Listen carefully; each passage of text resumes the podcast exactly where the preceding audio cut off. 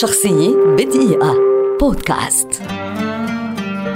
غسان مسعود ممثل سوري عالمي كبير ولد عام 1958 ويعد واحدا من أبرز الممثلين في تاريخ السينما والدراما العربية ومن القلائل الذين وصلوا إلى العالمية. درس التمثيل في المعهد العالي للفنون المسرحية في دمشق وبعد تخرجه بدأ مسيرته من خلال العمل على خشبة المسرح. ومن أبرز الأعمال المسرحية التي قدمها خلال مسيرته نذكر جنكيز خان سكان الكهف صدى وجنون في الإسطبل.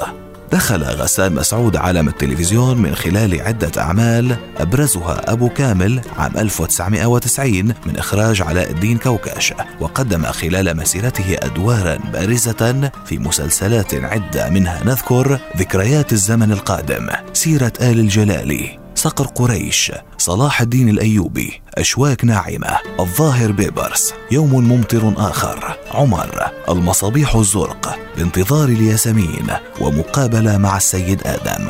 سمعته كممثل قدير أدخلته عالم السينما العالمية. من خلال فيلم Kingdom of Heaven عام 2005 للمخرج ريدلي سكوت والذي أدى فيه مسعود دور صلاح الدين الأيوبي ونال عنه مديح النقاد. وشارك بعدها في الجزء الثالث من فيلم Pirates of the Caribbean عام 2007 وفي الفيلم المصري الوعد عام 2008 عاد غسان مسعود للعمل مع المخرج ريدلي سكوت عام 2014 من خلال فيلم إكزودوس Gods and Kings. كما شارك معه مؤخرا في الفيلم ذائع الصيت All the Money in the World. عمل غسان مسعود كأستاذ في المعهد العالي للفنون المسرحية في دمشق لعدة سنوات وساهم في تأسيس المركز العربي الأفريقي للدراسات المسرحية في تونس ودرس في ألمانيا وفنلندا بالإضافة لدراسته في سوريا. والجدير ذكره أن ابنه السدير مسعود ممثل ومخرج واعد أيضا.